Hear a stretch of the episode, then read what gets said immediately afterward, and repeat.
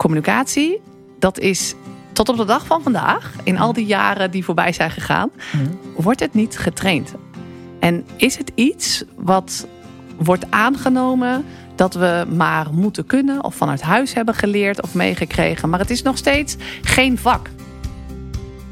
Welkom bij de Balanskliniek. Mijn naam is Bram Bakker. Ik vind het fijn dat je luistert. Vandaag praat ik met Ingrid Nagel. Ingrid begon als trainster, werd eigenaar-directrice van een trainingsbureau en doet dat op een hele enthousiaste, gepassioneerde manier. Ze zet mensen in hun kracht, zonder vorm, geen inhoud. Ze legt uit wat een leven lang leren inhoudt en hoe ze daar zelf ook vorm aan geeft.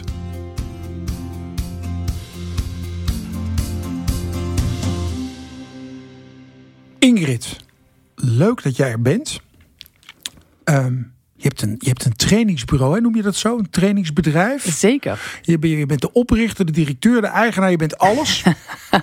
maar ik dacht, ooit was jij ook maar gewoon een middelbare scholier. En toen was er vast niet een beroepskeuze. Test die zei, word trainingsbureau-eigenaar. Klopt helemaal. Hoe is het zo gekomen dan? Hoe ben ik dat eh, mooie trainingsbureau gestart? Ja, daar zit wel een eh, leuk verhaal aan vast. Het begon allemaal nadat ik was gaan werken, na mijn studie. Toen ben ik direct gestart met een baan als opleidingsadviseur. En, en wat had je gestudeerd? Ja, bedrijfskunde heet dat nu officieel in Arnhem.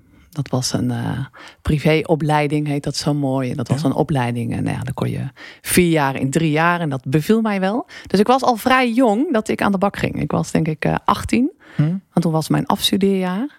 En toen ben ik direct gestart bij een prachtig mooi bedrijf. Hoe oud was je dan toen je die opleiding in Arnhem ging doen? Ja, bizar hè? 16, 17. En het was dus vier jaar in drie jaar. Ja. Dus dat derde jaar was een afstudeerjaar. Dus ik heb eigenlijk twee jaar gestudeerd. Toen mocht ik gaan afstuderen. En dan ben ik in de zomer al gestart met een vakantiebaantje. Toen begon in september mijn afstuderen. En toen zei de man voor wie ik werkte, mijn destijds geweldige eh, baas, leidinggevende, hoe je zo iemand ook wil noemen. Die zei toen tegen mij, weet je wat? Eh, het is best bijzonder dat we jou 325 euro per maand betalen voor alles wat je hier doet. En toen had hij echt onwijs lief had hij een visitekaartje laten drukken. En daar stond op opleidingsadviseur. En sindsdien kreeg ik direct 1725 euro per maand. Doe maar. Dat was mijn bruto maandsalaris en dat weet ik nog heel goed. Maar, maar dit klinkt als een succesvolle start van, van een succesvolle carrière. Maar eh, opleidingsadviseur, was dat toeval? Was het omdat dat er was? Of wa- was het al wel zo dat Ingrid dacht... ik wil, ik wil de mensen iets Ingrid, vertellen? Ingrid vindt mensen vooral heel interessant. Dat was wel wat ik vanaf dag één in mijn leven heb. Dus ik ben zeer geïnteresseerd in de mens en wat de mens beweegt. Ja. Waarom doet hij of zij wat hij doet? Ehm, als ik nu met de kennis van nu had ik iets van psychologie gaan studeren of filosofie. Of, maar ja, het is precies zoals je zegt. Je bent Ja. jong en je bent aan het nadenken. Ja, wat wil ik? Ja, Ja. dan maar een hele brede studie. Kan je in ieder geval alle kanten mee op. Dat was best veilig. Vonden mijn ouders ook wel een goede keuze. Eh, en dat was de reden dat ik daartoe voor koos. En hoe ik in die wereld van opleiding en training terecht ben gekomen, Ja. dat is dus, ja, het- dat is niet een, eh, een fantastisch verhaal. Dat, dat is letterlijk gewoon zo gekomen, zoals heel veel dingen in je leven je overkomen. En je dan moet kiezen, kies ik wel of niet deze kans. En ik was bij een vriendinnetje, die ging eh, naar Curaçao voor haar stage. En haar vader was het hoofd van de afdeling bedrijfsopleiding en training. En dat heette BOT, afgekort. Ja. Tegenwoordig heet dat natuurlijk HRD. Ja. Human Resources. Development, Ja. Learning and Development. En zodoende ben ik eh, er eigenlijk ingerold. Dus dat is een, een groot geluk geweest. Ehm, want vanaf seconde één voelde ik me daar op mijn plek. Maar, maar je, passeert, je passeert afslagen die je ook had kunnen nemen. Dus je had ook nu hoofdpersoneelszaken... weet ik, van, van, het, van het ziekenhuis bij jou in de buurt kunnen zijn. Ja, ja. en toch is opleiden en ontwikkelen ehm, heeft dat al wel mijn, eh, nou ja, van, van jongs af aan mijn interesse. Ik ben ongelooflijk nieuwsgierig. Dat, dat eh, krijg ik mijn hele leven al terug van Ja. deze en gene. Eh, je kan het ook noemen geïnteresseerd. En opleiden, dus, dus het is ik zou liegen als ik zou zeggen dat ik 18 was een hele bewuste keuze maakte van nou ik ga nu de wereld van opleiding en training in. Maar doordat ik erin kwam Ja. en me erin bewoog, dacht ik wel oh maar dit vind ik zo enorm fantastisch. Hier wil ik eh, meer mee. Maar dan, dan, dan, dan is het dus eigenlijk toch niet zo dat je ook psycholoog had kunnen worden. Want deze jas past jou. Ja, maar ik denk wel dat er meerdere jassen kunnen passen bij één mens. Ja? Jazeker. Maar- Het zou ook wat saai worden als je maar één ding heel goed zou kunnen of willen. Ik geloof wel dat je keuzes moet maken. Ja. Maar ik zeg altijd, ik zou wel twaalf levens hebben kunnen leiden. Oké, dus je, nu- je kan ook, ook over vijf of tien jaar alsnog besluiten iets heel anders te gaan doen. Heel anders in de zin van dat het gericht is op mensen. Ja, dus je, Dus je hebt 100% men- mens mensen en materie en het moet, het moet mens zijn. Ontwikkeling. Dus het Ontwikkeling. moet zijn van ehm, eh, wie ben je, eh, waar sta je, waar wil je naartoe? Want nou, wellicht, ik, ik ben dus gestart als opleidingsadviseur. Ja. En dat was bij een prachtig bedrijf. Zij maakte carrosserieonderdelen voor de automobielindustrie. Heel mooi techniek, hè? dus grote afdelingen, rollen staal en dan 38 afdelingen. Dan eh, rijdt er een vrachtwagen weg met zeven zijkanten van, nou, noem een auto die je rijdt. Met die zeven zijkanten. En ik stond toen op een beurs om jongeren te werven voor de bedrijfsschool die wij zelf hadden. En ik had al veel vaker de gedachte van... hé, hey, maar ik zou zo graag eens opleidingsadvies willen geven... tegen een collega van mij door te zeggen... ga eens even bij bedrijf A kijken of bij bedrijf B. Maar ja, dat was niet mijn rol. Het ging over opleiden en het ging over leren. En wat, wat kon ik diegene adviseren... zodat hij zo lang mogelijk binnen de club blijft. Mhm. Dat is inmiddels gelukkig wel verschoven. Want ik, ik ben nu wel een jaar of, eh, nou, 18, 19 eh, actief in deze wereld. En daarna ben ik bij een werving- en selectiebureau gestart. En toen ging ik dus van een bedrijf van meer dan duizend mensen... naar een bedrijf met slechts vijf medewerkers. En daar voerde ik zes gesprekken per dag. En waar maak je die stap? En waarom ik die stap Ja, maakte? ja. Omdat ik dus meer naar die mens wilde. Dus ik wilde heel graag. Ik, ik kende opleidingsland inmiddels. Dus Mhm. ik deed, we deden in company trainingen. eh, Ik deed de sollicitatiegesprekken met de docenten. Ik eh, adviseerde de managers van hey, wat heb je nodig? Waarom wil je überhaupt dat Klaas deze opleiding gaat doen? En wat voor ideeën heb je daarbij? Ehm, maar daar bleef het bij. En ik kwam heel vaak, liep ik er tegenaan dat ik dacht, ja, maar je, je moet even iets anders gaan doen dan deze opleiding. Je moet een stapje verder kijken. Er is nog meer in deze wereld dan het bedrijf waar je nu werkt. Maar dan kijk je naar iemand en dan denk je in de ontwikkeling van deze persoon. En zijn mag, leven. Moet het misschien breder dan. Ja, er dan is dit. meer dan dat. En ehm, nou, een werving- en selectiebureau doet dat. Een goed werving- en selectiebureau. Ja. Een goed werving- en selectiebureau die kijkt naar jou als mens. Ja. En die zegt van, hé hey, nou Bram, vertel. Je bent toen en toen geboren. Uit wat voor nest kom je? Wat heb je meegekregen? Waar sta je nu? Eh, wat wil je gaan doen? Hoe is je privésituatie? En dan pas, Mhm. althans zo deed ik het. En dan pas gingen we kijken, ja, maar welk bedrijf en welke baan past daarbij? Want mensen zitten veel te veel op inhoud. Maar een match lukt op het moment dat je weet wie, ehm, nou, wie zijn of haar collega's worden.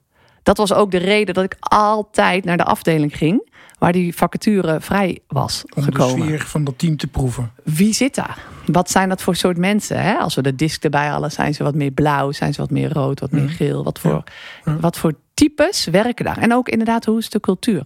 Heel erg bepalend Ja. voor een. eh, je kan IT'er zijn en dan kan je denken, ja, het is toch niks hoor, het past me niet. Maar die conclusie wordt soms te snel getrokken. Want dan zijn ze IT'er bij een commercieel bedrijf. En dat is compleet anders dan dat jij IT'er bent bij een zorginstelling. Ja. Maar je, je, je was ergens in de twintig toen je dit allemaal zo ging doen. En wa- was je dan een vreemde eend in de bijt? Of deed je eigenlijk wat iedereen deed? Hoe, waar, Toen ik- waar haal je het vandaan Voordat ik voor mijzelf begon, bedoel je? Nee, bij het werving- en selectiebureau. bij dat. eh, ja, ik vermoed wel dat ik. ehm, dat was niet helemaal heel erg gangbaar. Dat kreeg ik ook wel terug van opdrachtgevers. Want Ja. die zeiden: ja, sorry, maar je krijgt gewoon de vacature en je mag kandidaten leveren. En dan zei ik: ja, dat, dan neem ik de opdracht niet aan. Ik wil hem heel graag exclusief. En dan zorg ik ook ervoor dat je de juiste kandidaten krijgt. Dan krijg je ook mijn belofte. En dan ga ik ook zorgen dat we hem invullen voor je. Dat, vond, dat vond de baas van jouw werving- en selectiebureau wel goed. Ja, die vond mij wel grappig. Ja. Die dacht, laat haar maar gaan. En we kijken wel waar het eindigt. Nou, dat eindigde dat ik uiteindelijk eh, operationeel directeur werd op mijn 23ste van die Het, club. het eindigt natuurlijk dat je dan een eigen bedrijf hebt op een dag. Want je hebt, je hebt een veel te stevige visie. Ja. Nou ja, dat was letterlijk ook wat zij tegen mij zeiden. Ik was eh 26 en ik herinner me dat gesprek nog goed. Ik ging één keer per maand met mijn twee eh, aandeelhouders eh, de cijfers doornemen. Ja. En nou, zoveel hebben we op outplacement, zoveel op werven en selectie. Nou, op detachering hebben we dit gedraaid. En we hadden een soort van ja, verbond is wellicht een iets te groot woord, maar het komt wel, het benadert het goed. Een afspraak met elkaar, als wij een ander lampje hebben, als we niet meer compleet dedicated zijn aan de organisatie, dan zeggen we dat eerlijk tegen elkaar. En uh, ik werd in die tijd veel gevraagd als uh, spreker. Dus bijvoorbeeld bij het UWV of bij een hogeschool. En dan zeiden ze, joh Ingrid, jij weet alles van de arbeidsmarkt. Nou, een mens kan nooit alles weten, maar ik geloof wel, op dat moment wist ik iets meer dan gemiddeld van de arbeidsmarkt. En daar had, ging ik een praatje doen. En op dat moment. En dan werd je vanuit de relatie gevraagd, want je, je was nog niet bij een sprekersbureau, toch? Ik, absoluut niet. Nog steeds niet. Maar dat ik gaat werd... komen. ik werd inderdaad vanuit de relatie gevraagd. En het vond ik zo onwijs leuk. Dus ik stond daar op dat uh, podium voor 90 uh, PNA, heette dat toen nog personeel en arbeid. Ik voel me trouwens wel echt oud als ik zeg toen nog. Ik ben nog steeds jong, laat dat duidelijk zijn. Maar tegenwoordig heet die studie HRM en HRD. Maar het leven ziet er um, ook heel anders uit dan, dan 18 jaar geleden. Helemaal eens. Ook qua opleiding en training. Maar daar komen we wellicht straks nog even op. Uh, en ik had toen op dat moment echt zo'n lampje dat ik dacht: hé, hey, zij zijn nog niet klaar en ik ben nog niet klaar. Dit is onwijs leuk. En nou, dat heb ik ze eerlijk verteld. En dat gesprek herinner ik me nog als de dag van gisteren. Want dat eindigde inderdaad met: Nou, we, wisten, jij hebt geen andere keus. Nee. En je krijgt je ontslag. En hoe lang is dat nu geleden? 10, 10, 10 heb ik mijn bedrijf ingeschreven bij de KVK. Dus je staat nu bijna 12 jaar op eigen, op eigen benen. Oei, ja. Maar uh, terug naar een baan, dat, dat gaat toch ook nooit meer lukken? Nee. Dat wil je ook niet, nee. denk ik. Nee. Dat zal, nee, dat, dat ambieer ik ook totaal niet. Uh, ik, ik, wat ik, ik heb zo'n onwijs mooi trainingsbureau nu met, met geweldige mensen die, die er zo vol passie werken en heel erg vanuit hun hart, omdat ze ook geloven in waar wij voor staan. Het, het, wij geloven heel erg in de, in de missie die we hebben. Dat ze echt maak relaties sterker. Het leven hmm. draait om relaties. Alles draait om verbinding. Um, en daar hebben we communicatie voor nodig. En communicatie, dat is tot op de dag van vandaag, in al die jaren die voorbij zijn gegaan, mm. wordt het niet getraind. En is het iets wat wordt aangenomen dat we maar moeten kunnen of vanuit huis hebben geleerd of meegekregen. Maar het is nog steeds geen vak. Behalve dan als je communicatiewetenschappen gaat studeren. Of, of, of psycholoog of psychiater of, wordt, want dan krijg je gespreksvaardigheden. Exact, ja. exact. Maar alles wat dat niet is, ja. die krijgt gewoon de basis van rondom communicatie, rondom contact maken, psychologische veiligheid. Hoe krijg je nou zendtijd? Um, niet mee. En dat, die basis ontbreekt. En daarom gaat er zo ongelooflijk, ook op topniveau, op allerlei niveaus en in allerlei organisaties mis. Ik geloof echt, alles is communicatie alles valt of staat dus ook met de manier waarop je communiceert. En als jij er niet voor kiest om doorlopend te reflecteren op de manier waarop jij communiceert, ja, dan is het bijna gedoemd om te mislukken. Dan ga je een keer nat. Het is niet zo dat ik nooit miscommunicatie heb, maar het is wel belangrijk om. Ik heb, ik heb echt prachtige klanten en die komen bij ons en dan zeggen ze ja, even platgeslagen, er is gedoe het team loopt niet lekker of dit gaat niet goed of hier gaat het mis. Nou, dan is het dan ons, ja, waar zit hem dat in? Ja, en, en dan, 9 van de 10 keer komen ze in dat eerste half uur met inhoud. Ja, er is een nieuw project. Uh, dit is er gebeurd, dat is gebeurd. Even doorvragen. Nou, kan je op een briefje geven. 99 van de 100 keer is het communicatie. Ja, of, of een relatie. Uh, maar dat is de basis. Dus relatie gedijt bij goede communicatie. En of andersom, zonder, uh, zonder communicatie is er geen relatie. Ook. Als je niet communiceert, dan. Ja, ja. Ik had ooit een uh, vriend en die had een beetje ruzie met zijn vriendin. en toen zei hij: We hebben wel beeld, maar geen geluid. Dat is ook een mooie. Het omgekeerde bestaat ook, hè? Wel geluid, maar geen beeld. Ja, precies, precies. Ja. Beide gaat niet helpen in uh, het versterken van de relatie, kan ik je vertellen. hey, en, en, en hoe definieer jij communicatie? Want dat vind, vind ik ook nog wel spannend dat is ook een zeer. Uh, het is een mooie vraag en het is ook een lastige vraag, omdat communicatie zo breed is. Maar communicatie, als ik hem heel kort moet houden, communicatie draait om begrip. En wat mij betreft, ik moet even meteen denken aan Henry Ford, um, de bekende oprichter van de Ford-fabrieken. Die zei toen ooit: um, Heb je de wil om het standpunt van die ander te begrijpen? Heb jij de wil om het standpunt van die ander te begrijpen? Of, en nu komt die, ben je alleen maar je eigen standpunt aan het opleggen? Ja.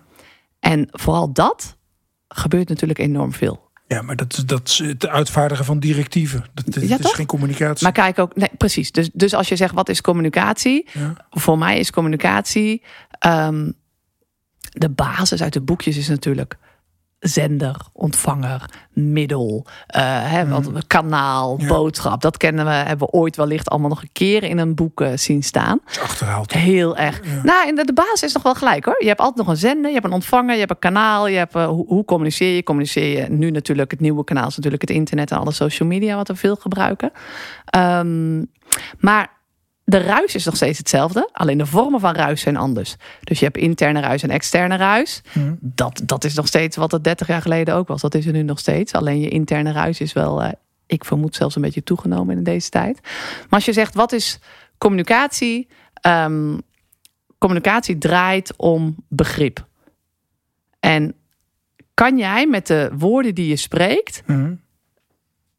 begrijpt de ander jou? En dat is belangrijk dat je dat checkt.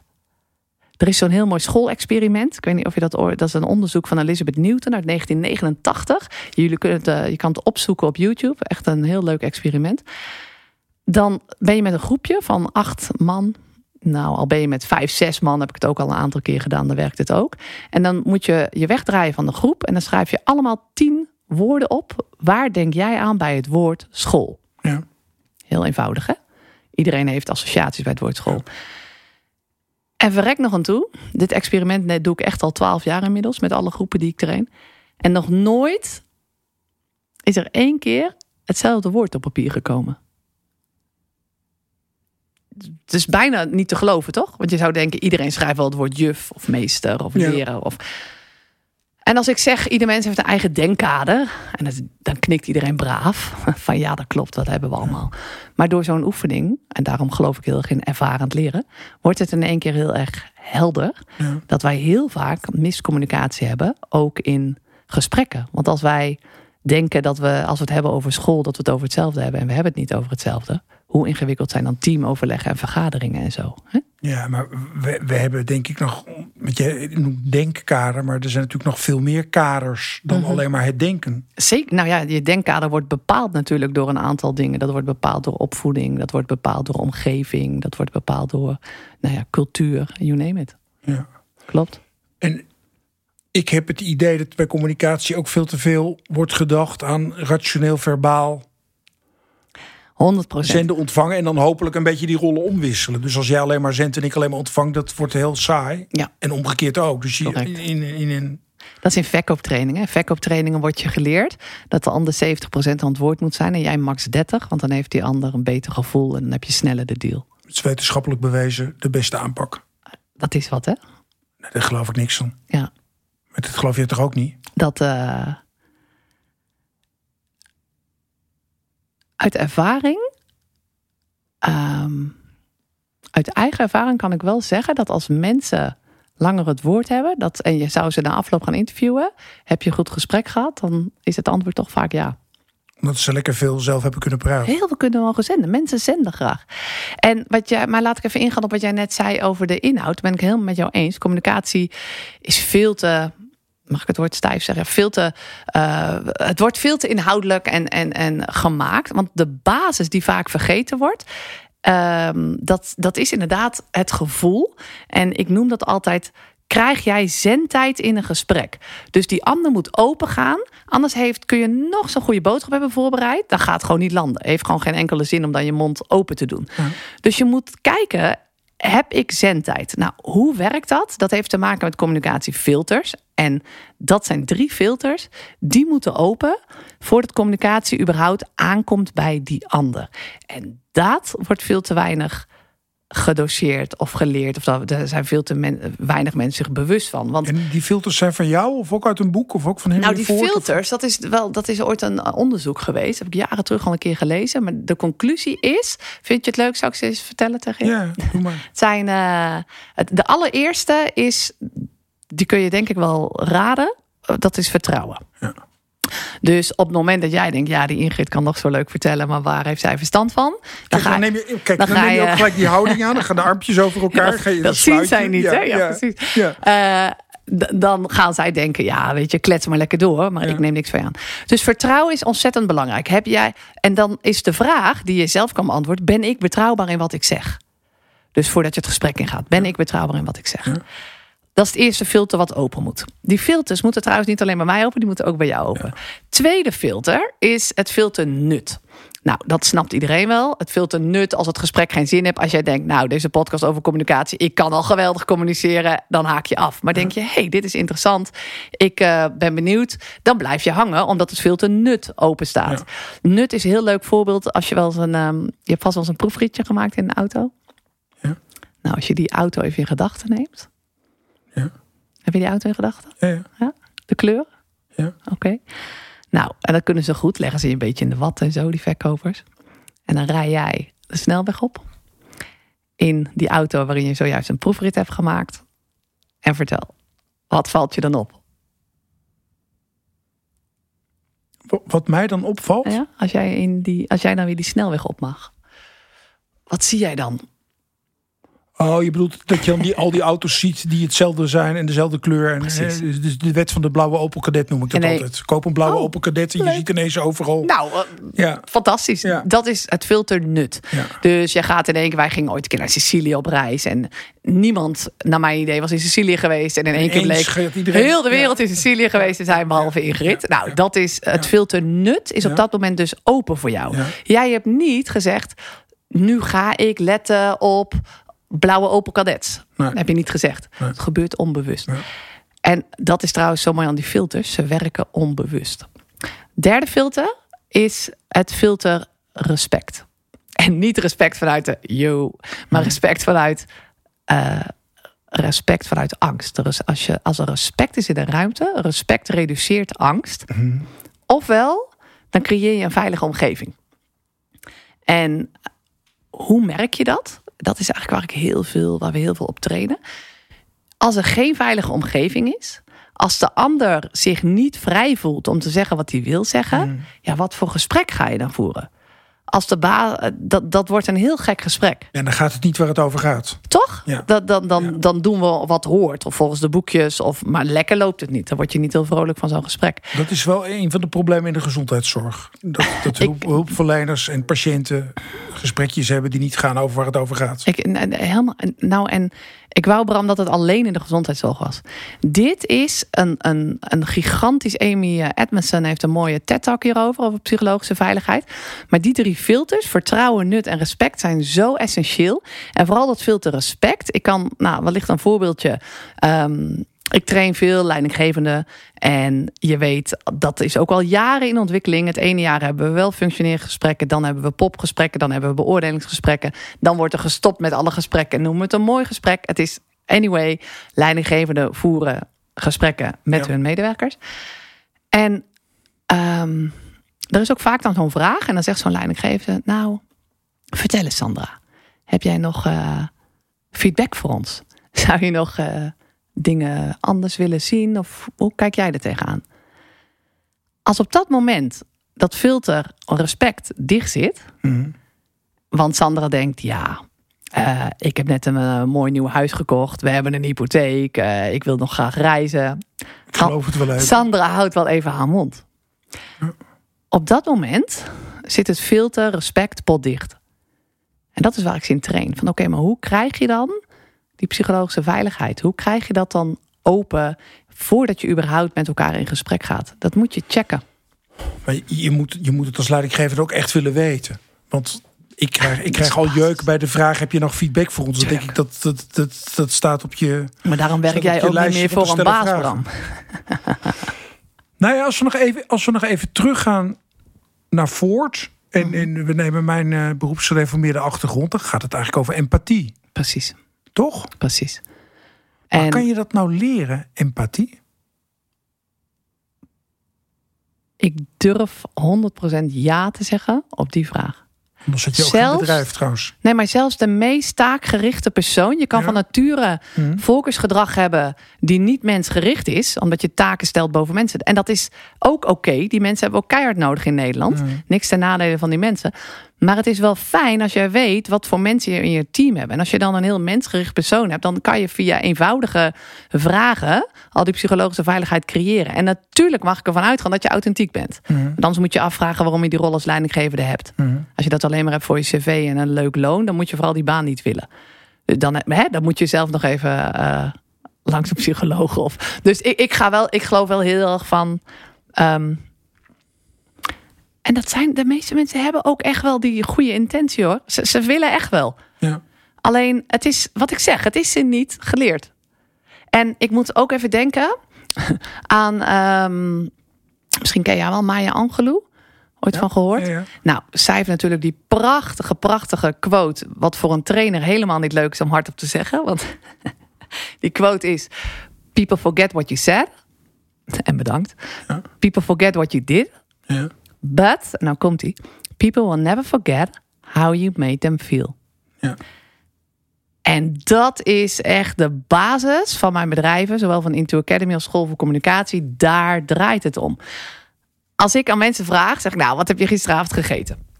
En moet je altijd even nadenken, ik ook, wat was het? En dan zeg ik daarna die vraag, hoe was de sfeer aan tafel? Twee tussen. Ja, dat, Zijn, dat zijn toch verschillende dingen. Daar komen ze dan ook wel achter van ja. Dus ik zeg ook, dat is ook wel heel mooi. Ik zeg, een gesprek is nooit verloren totdat diegene de deur uitloopt. Want je voelt, je voelt, ieder mens voelt. Alleen de, de, ik, ik, ik zou mensen willen oproepen, luister meer naar dat gevoel. Je voelt of een gesprek lekker loopt. Mhm. Of, het, of, het, of de sfeer goed is. En dat voelt die ander ook. En het niet benoemen ervan, Ja. omdat je denkt dat het anders ook weer, ook weer, ook even, het is niet onwil dat mensen ehm, het niet benoemen. Soms is het onkunde en soms is het juist, ook grappig, juist vanuit de goede wil. Dit kom ik veel tegen en sorry, maar het is echt in die sectoren meer dan in andere sectoren. De sectoren het onderwijs en ziekenhuizen waar wij veel trainen. Oh, Ehm, feedback omwille van de lieve vrede. Ja? Ja. Ik kom wel eens binnen. Herkenbaar. Ja, toch? Ik Ja. kom wel eens binnen bij die. eh, en dan zeg ik: jongens, ik kan hier niet meer op het tapijt staan. Zoveel hebben jullie eronder geschoven. Ik pas hier niet meer. Omwille van die lieve vrede. En dan zeg ik jullie: juist moet je feedback geven aan die ander. Juist als je die relatie wil versterken. Maar niet één keer per jaar. Alsjeblieft, stop met al die beoordelingsgesprekken. Wij doen het allang niet meer. Het heeft geen nut. Het is alleen maar een wet vanuit HR. Die zegt voor het dossier hebben we iets nodig op papier. Want stel dat het een keer misgaat, ja dan. Ja. Hè, dan hebben we dossieropbouw.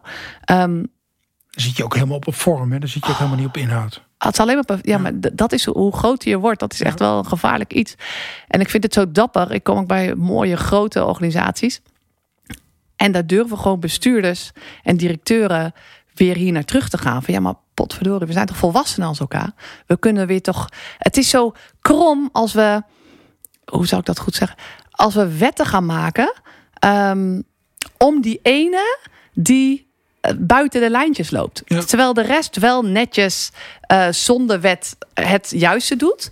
Maar omdat er dan toch ooit eentje erbuiten is geweest, moet nu iedereen moet het hek wat verzet worden. Nou ja, wel, Snap je wat ik welkom bedoel? in Nederland anno 2022. nou ja, maar dat, toch? dat Ja. is, ik vind dat heel verdrietig. Ja. Daar krijg je niet een leuke maatschappij van. Nou wil ik nog even terugfilmen. Want je zei Ja? net, ik had ook psycholoog kunnen worden. Maar jij hebt toch uiteindelijk gekozen om mensen te helpen in ontwikkeling. Ja, dat is een, En als, als, als, als, als ik bij een werving- en selectiebureau zou werken, dan, dan zie ik zeg maar iemand met, met, met issues binnenkomen. Dus mijn neiging is om te gaan helpen met die issues. ja. Maar jij laat eigenlijk de issues liggen en gaat aan de slag met de potentie of de mogelijkheden. Of, Of ik stuur ze door. Als de issues te groot zijn. Want ik ben geen psycholoog, nog psychiater. Ik heb, wel, Nee, eh, je- ik heb ze wel in dienst. Je, maar- behandelt niet. Correct. Dus wat, wat wij doen als trainen, en dat is ook gevaarlijk in trainen, dat is wel leuk. Er zijn mensen die zeggen, ah, trainen heeft helemaal geen nut. 9 van de 10 keer ben ik het toch met ze eens ook.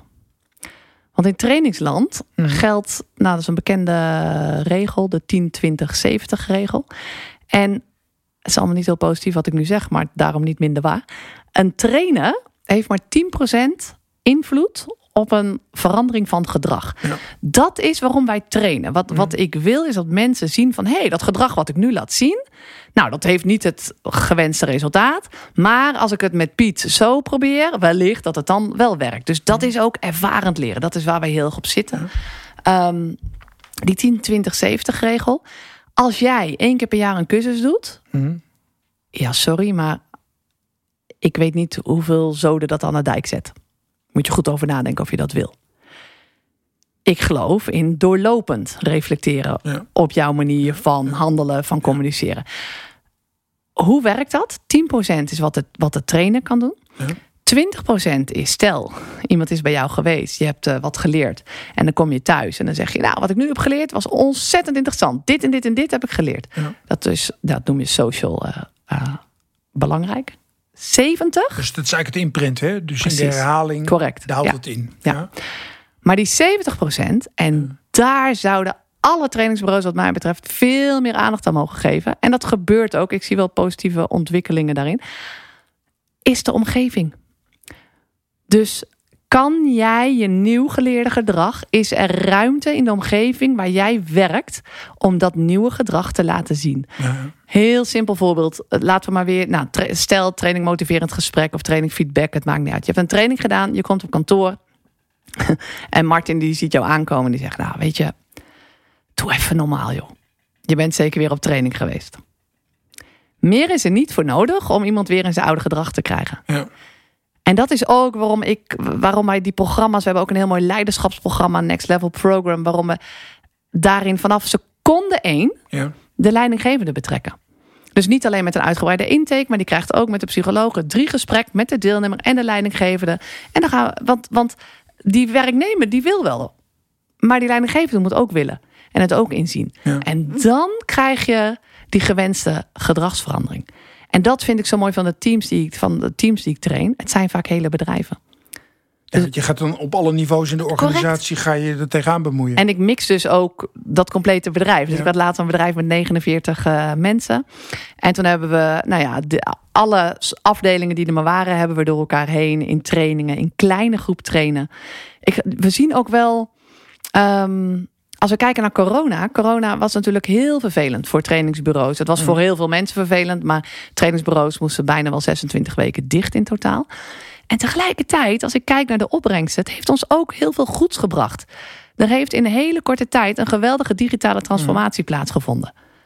In één keer is blended learning niet meer een eng woord of een raar woord, maar in één keer is het.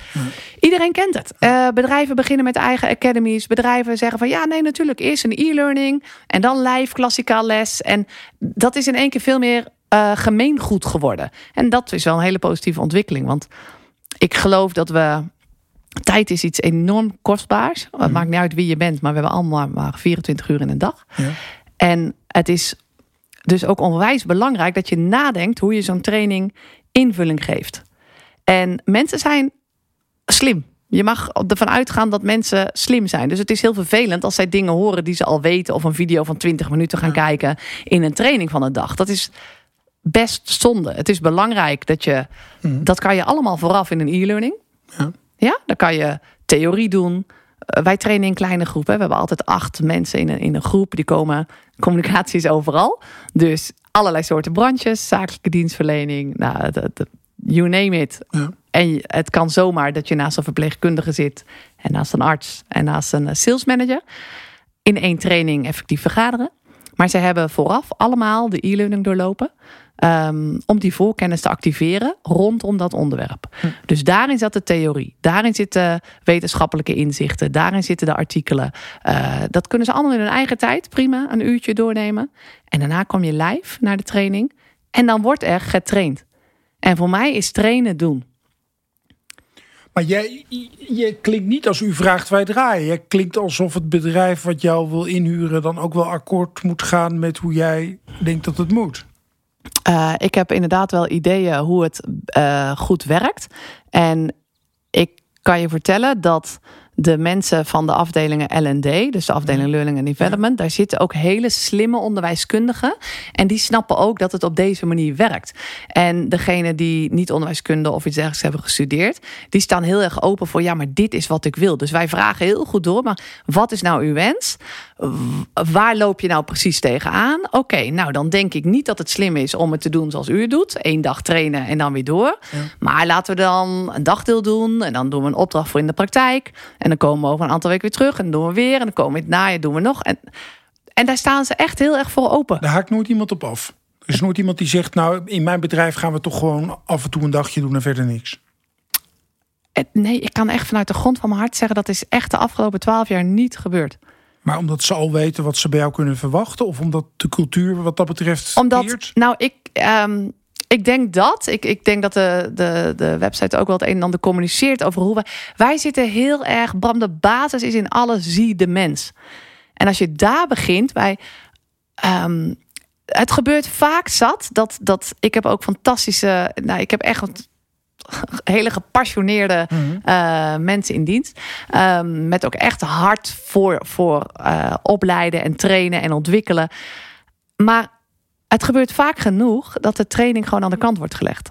Een PowerPoint afdraaien kan iedereen, maar trainen is echt een ander vak.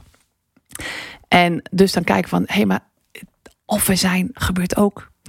Ja. We zijn gebriefd en dan hebben we een training. En dan denk ik, oh jongens, maar hier zit nog zoveel meer onder dan wat wij vanuit HR of vanuit de leidinggevende hebben gehoord. We laten jullie wel even aan het woord. En die medewerkers hebben heel vaak hele slimme oplossingen. Hoe het anders kan. Ja, en dan schuif je het voorgeprogrammeerde deel terzijde. Aan de kant. spring je. En dan zijn we dus daadwerkelijk aan het helpen. Ja, ja. En dan zijn we daadwerkelijk aan het trainen. En dan krijg je wat dat bedrijf uiteindelijk enorm blij mee is. En zeg ja, dit was eigenlijk wat we nodig hadden en hebben. Ja. Daar, en daar, is... daar, daar, daar gaat het, schuift het bijna in de richting van bedrijfshulpverlening. Ja. Dus dat, dan, wordt, dan kom je echt in een grijs gebied. We hebben ons ooit bedrijfsdokters zelfs genoemd. Ja, ja dat snap Die, ik. Uh, om, omdat we zijn met... Alles draait om mensen. En dat vergeten ze wel eens. Vroeger was er een... Um, dat stond op de... Uh, dat was altijd zo'n grapje in, in trainingsland. Um, trainen en opleiden en scholing stond als kostenpost op de rekening, op de balans. Wat natuurlijk heel gek is. Machines is een investering ja. en trainen is kosten. Ja. En er was altijd zo'n voorbeeldgesprekje van de CFO. En die zei dan tegen zijn HR-manager: Ja, ja, trainen, trainen. Waarom moeten we trainen? Kost alleen maar geld en uh, zometeen gaan ze weg. En dat zegt: uh, Ja, pff, zonde van het geld. En toen zei de HR-manager: Ja, maar wat als we het niet doen en ze blijven? Ja.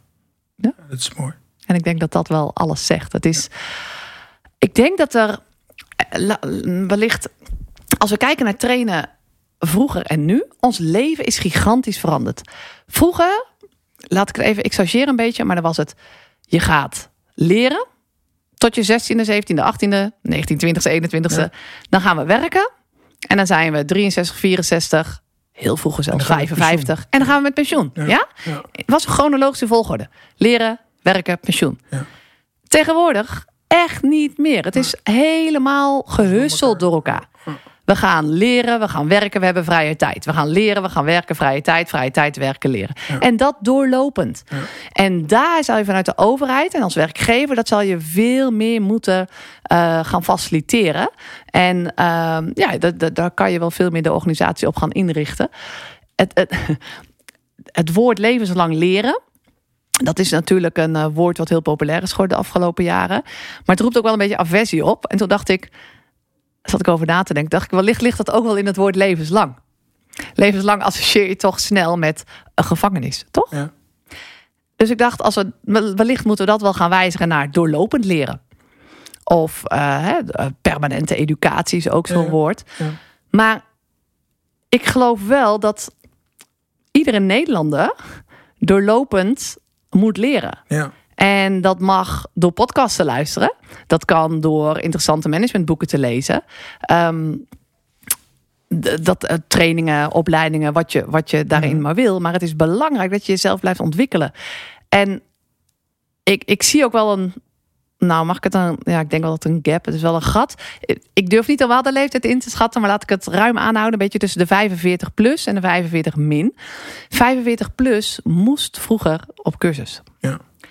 En daar is het een beetje misgegaan. Ik zeg, ik zou trainen wel weer sexy willen maken. En gewoon aantrekkelijk. Dat het leuk is om te leren en, en te ontwikkelen. En het is. Wat is er nou leuker dan nieuwe kennis opdoen? Er is zoveel wat we nog niet weten. Um, maar vroeger had je een functioneergesprek, heel traditioneel. En dan was het van ja, dit en dit ging niet zo goed. Weet je wat? Doe jij maar een cursus. Ja. De cursus was eigenlijk bedoeld om het. Ja. Dat werd bijna een straf. Ik heb iets niet goed gedaan, dus ik moet op cursus. En je ziet gelukkig bij die 45 min daar hele andere ideeën uh, over hebben. En die snappen echt, ja, persoonlijke ontwikkeling. Ik wil mezelf ontwikkelen, ik wil leren, ik wil. Maar het is natuurlijk gek. Toevallig van het weekend praatte ik nog met iemand en die zei: Ja, ik vroeg aan een collega, wanneer heb je voor het laatst een, uh, een training of een cursus gedaan? En die zei: dat kan toch al wel 15 jaar terug zijn. Jezus. Ja? Ja? Maar, je, maar je, kan niet 15 jaar niet leren, hè? dus dan heb je het Eens. gedaante. Eens. Maar dan heb je niet bewust daarbij stilgestaan. Maar ik geloof dat we een mooie mens worden. Mooi als, als je dus bij jezelf. Want je kan wel zeggen, ja, maar die ander. Hmm. Maar het heeft ook te maken met. Ehm, kijk jij zelf in die spiegel? Hoe communiceer jij? Hoe kom jij over? Is dat hoe je over wil komen? wil jij um, het standpunt, heb je echt de wil om het standpunt van die ander te begrijpen? Dus ga je er al die dingen als, nou ja, dat, dat daar hoeven we niet over te hebben, maar, maar al je, die... fiets, je eigenlijk veel meer het mens zijn erin. precies, hè, denk ik. Het gaat, precies, het gaat van precies. cursus als product naar cursus als. Het draait, de mensen moeten het met elkaar doen. Ja. Het zijn mensen die, die met elkaar communiceren. Het is hoe je het ook bent of keert, je hebt het altijd over de mens. En ieder mens wil erkenning. Ieder mens wil gezien worden. En Um, ik geloof dat als je investeert in communicatie, in de manier waarop jij communiceert en dat met elkaar doet en als team, dan maak je relaties sterker. Ja, en dan is de cirkel weer rond, want dan, daar worden mensen gelukkiger van. Ja. En daar worden, eh, toch? Ja. Even nog iets heel anders, Ingrid.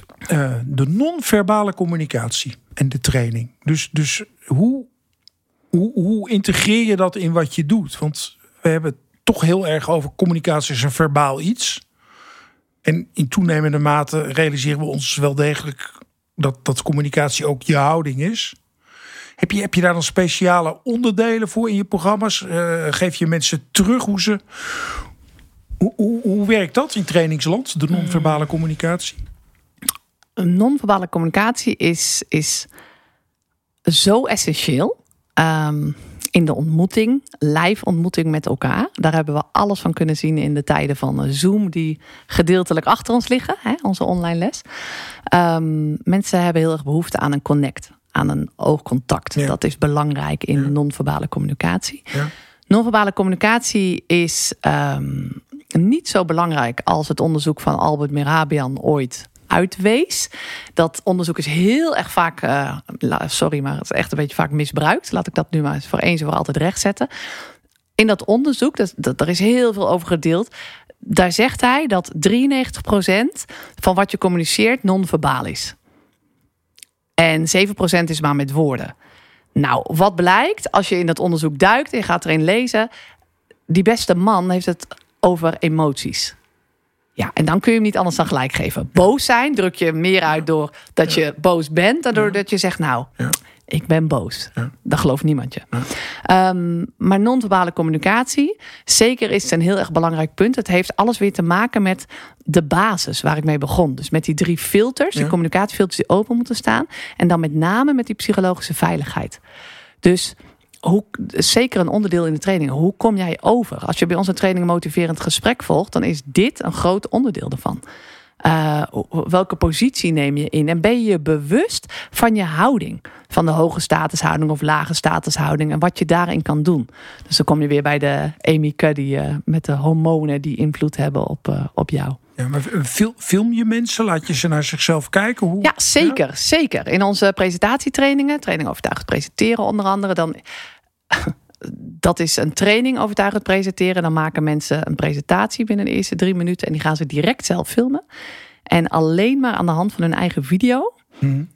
geven we uh, onderdelen die belangrijk zijn wanneer je overtuigend presenteert. Dus klemtonen, punten zetten, dat soort zaken. Ja. Ehm, mimiek. Hoe kom je over? Hoe wil je overkomen? Dat zien ze terug. En ik wil je direct zeggen, ik geloof dus niet in trucjes. Dus jij, jouw non-verbale communicatie Ja. gaat vanzelf. En hey, als je. Ehm, en dat, dus je komt toch weer terug bij die kern. Wie ben jij? Wie wil jij zijn als mens zijnde?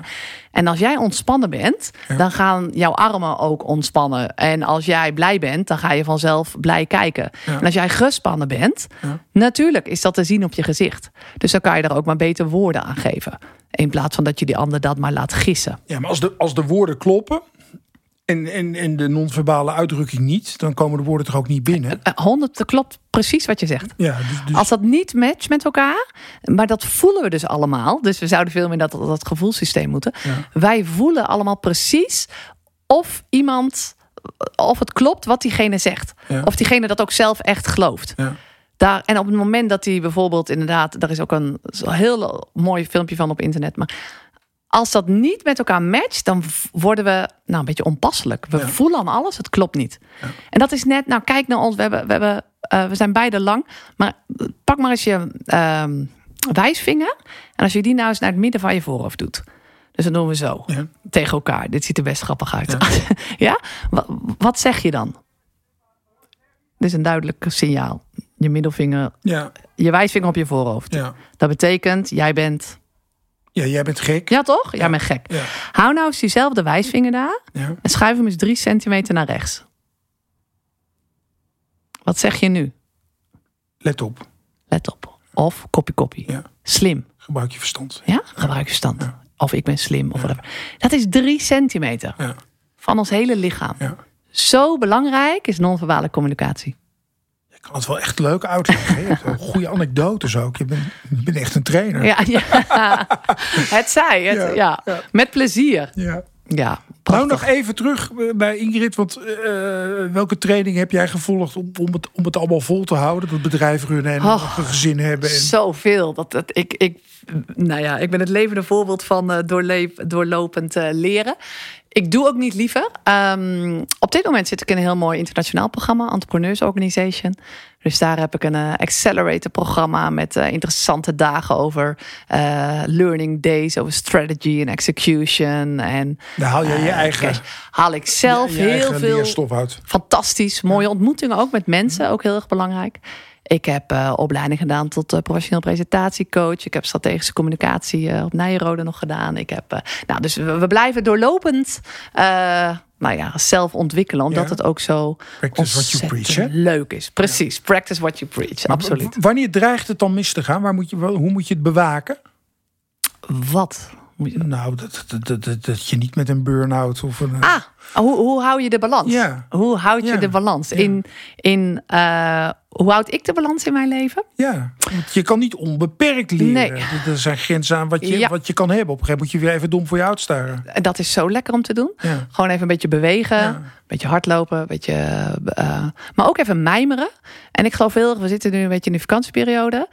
Ik zei gisteren nog op LinkedIn, je moet eh, eigenlijk iedere dag even een momentje vakantie nemen. Dus zorg, bouw rust in in je agenda. En een afspraak met jezelf, het klinkt een beetje, oh, maar een afspraak met jezelf is ook een afspraak. Maar dat doe jij wel. Ja. Je hebt afspraken met Ja, jezelf. anders hou ik dit leven niet vol. Oké. Anders als ik niet met vrienden eh, ga eten, ga wandelen, eh, het bos in ga. Als ik, als ik dat niet heb, dan hou ik dit tempo niet vol. Dus je Dus- moet eigenlijk gedisciplineerd momenten inbouwen dat je niet gedisciplineerd bent. Weet je hoe we het eh, in de tv-wereld noemen, Bram? Nee? Spontaan geregisseerd. Spontaan geregisseerd. Dat is wel een hele mooie. Ja, ja toch? Wij, eh, ik train veel, eh, nou ja, een aantal tv-presentatoren en wat eh, nou ja, bestuurders en CEO's in presentaties geven.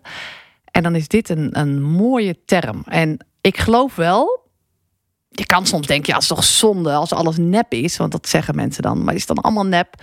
Zeg ik, nou weet je, zolang het oprecht is wat je doet, krijg je wel de hoge kwaliteit televisie die je nu hebt in Ja. Nederland. Als je ziet wat er in een half uur aan talkshows, los van wat je vindt van de gasten. Maar als je ziet wat er in een half uur voorbij komt, dat is best hoog niveau qua gespreksvoering. Ja? Ben je wel... Nou, in ieder geval qua wat er langskomt. De inhoud. Oké, nog één ding dan over die talkshows, mensen. Je ziet dus hoe belangrijk communicatie is, ook aan zo'n tafel. En hoe belangrijk luisteren met name is. Hoe word je een goede luisteraar? Ik denk dat je het allemaal herkent, dat je die, die talkshow-host hebt. En dan, jij zit lekker in dat gesprek en een hele interessante minister... en die zit van alles te vertellen. En dan in één keer stelt die nieuwslezer of talkshowhoofd een vraag. En dat jij denkt, hè? Waar komt Dino hier vandaan? Die vraag hadden we drie vragen terug al beantwoord... of we ja, zijn al links. Ja. Nou, op dat moment was de ervaren journalist al gestopt met luisteren. En daarom is het Dat vind zo... ik wel de meest gemaakte fout bij talkshows. Ja, helemaal dat, eens. dat ze niet luisteren. Het is echt... eh Eva Jinek is daarin eh, ontzettend goed, vind ik. Die doet dat, die, die, heeft, die heeft ook zelf gezegd... ik deed dat vroeger veel minder goed. En nu doet ze dat echt eh, vele malen beter. Durf ze los te laten. Durf ze de papiertje om te leggen en gewoon te kijken. Wie is dat mens aan mijn tafel? En Trained by Ingrid Nagel. ach, who knows, who knows, who knows. Dat mogen we niet. Oké. Ehm, we kunnen nog uren doorgaan, Ja. maar de lengte van deze podcast is beperkt. Dus ik dank je hartelijk. En eh, het wordt vervolgd. Ik vond het eh, enorm leuk. Dank je wel dat ik hier mocht zijn. Graag gedaan. Jij ook bedankt.